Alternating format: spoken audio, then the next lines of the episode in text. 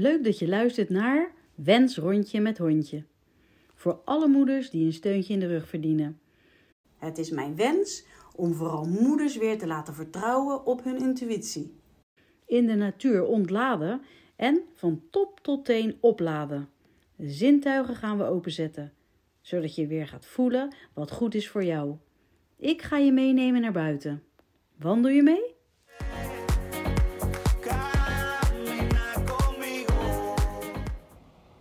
De ei van ijzersterke ijverigheid. Ik heb pas een boek gelezen, Rise, van Marieke van Meijeren. En zij doet ook transcendente reizen. Nou, dat moet je zelf maar ervaren. Ik kan een beetje moeilijk uitleggen wat het is. Een soort van diepe meditatie, maar toch anders. Met een bepaalde muziek of toon. Nou, ik zou zeggen, probeer het zelf eens. Maar na iets wat Marieke vertelde, kwam er ook een inzicht over mijn pijntjes in mijn lijf. Ik voel heel veel in mijn lijf en ben eigenlijk altijd tegen aan het vechten. Een gevecht met mezelf dus, dat is echt raar hè?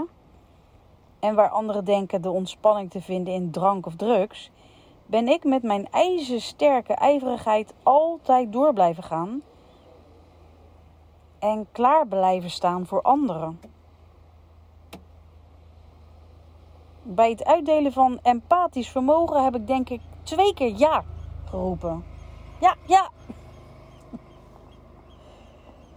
Veel empathie en positieve energie.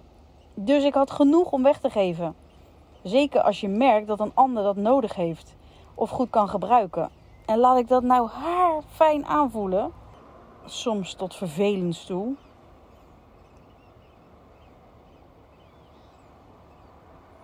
Je zou denken win-win.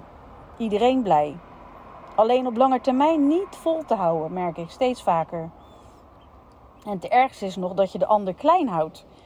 Als je ook nog alles wil oplossen voor diegene.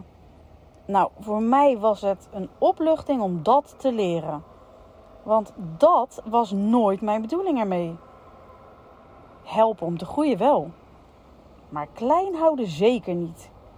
Ik probeerde juist op te peppen, andere mogelijkheden te laten inzien.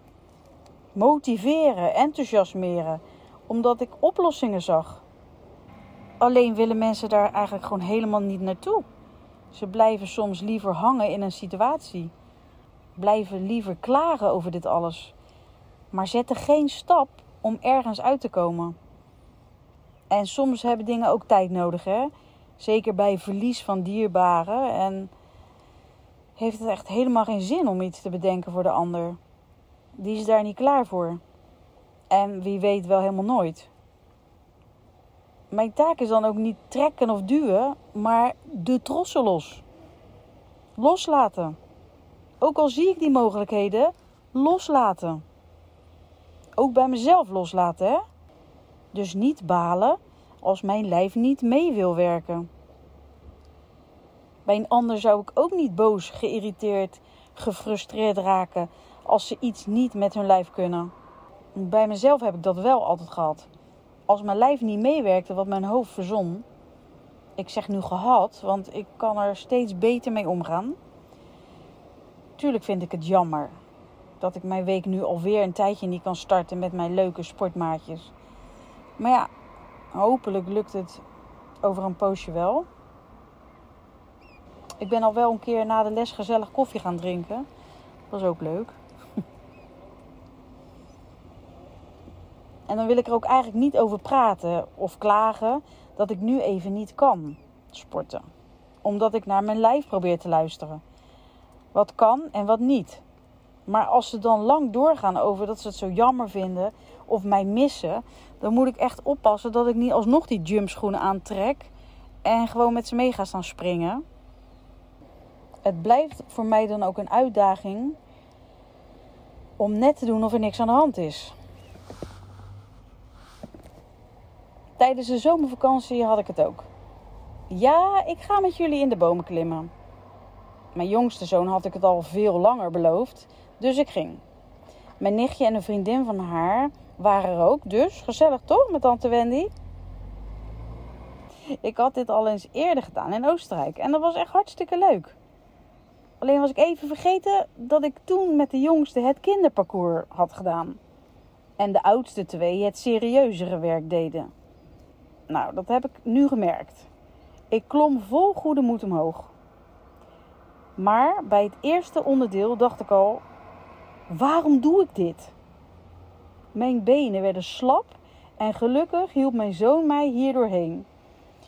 Door mij aan te moedigen, tips te geven, motiveren, enthousiasmeren. Goh, van wie zou die dat nou hebben? Ik was er in ieder geval heel blij mee, want anders was ik afgehaakt. Het zweet liep met straaltjes langs mijn gezicht en ik was echt kapot. En blij dat ik na afloop weer met beide benen op de grond stond. Ik zei wel meteen: Zo, dat was dus de laatste keer dat ik dit heb gedaan. Oh, echt erg. Het is echt uit je comfortzone. Ik vind het ook gewoon zo leuk, maar. ja, wat leuk is, is niet altijd te doen. Ik ben nog wel ijzersterk, maar veel minder ijverig.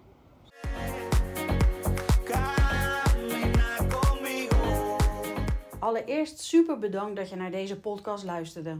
Ik hoop je wakker te schudden om altijd te blijven vertrouwen op je eigen intuïtie. Juist in deze snelle wereld is het zo belangrijk om te blijven voelen. En wil je mij blijven volgen? Abonneer je dan op mijn podcast. Wens rondje met hondje. Gewoon even klikken op abonneren. Via Instagram, vertrouw op je intuïtie, kan je mij ook contacten. Een screenshot maken van de podcast, dat is ook heel leuk. Dank je.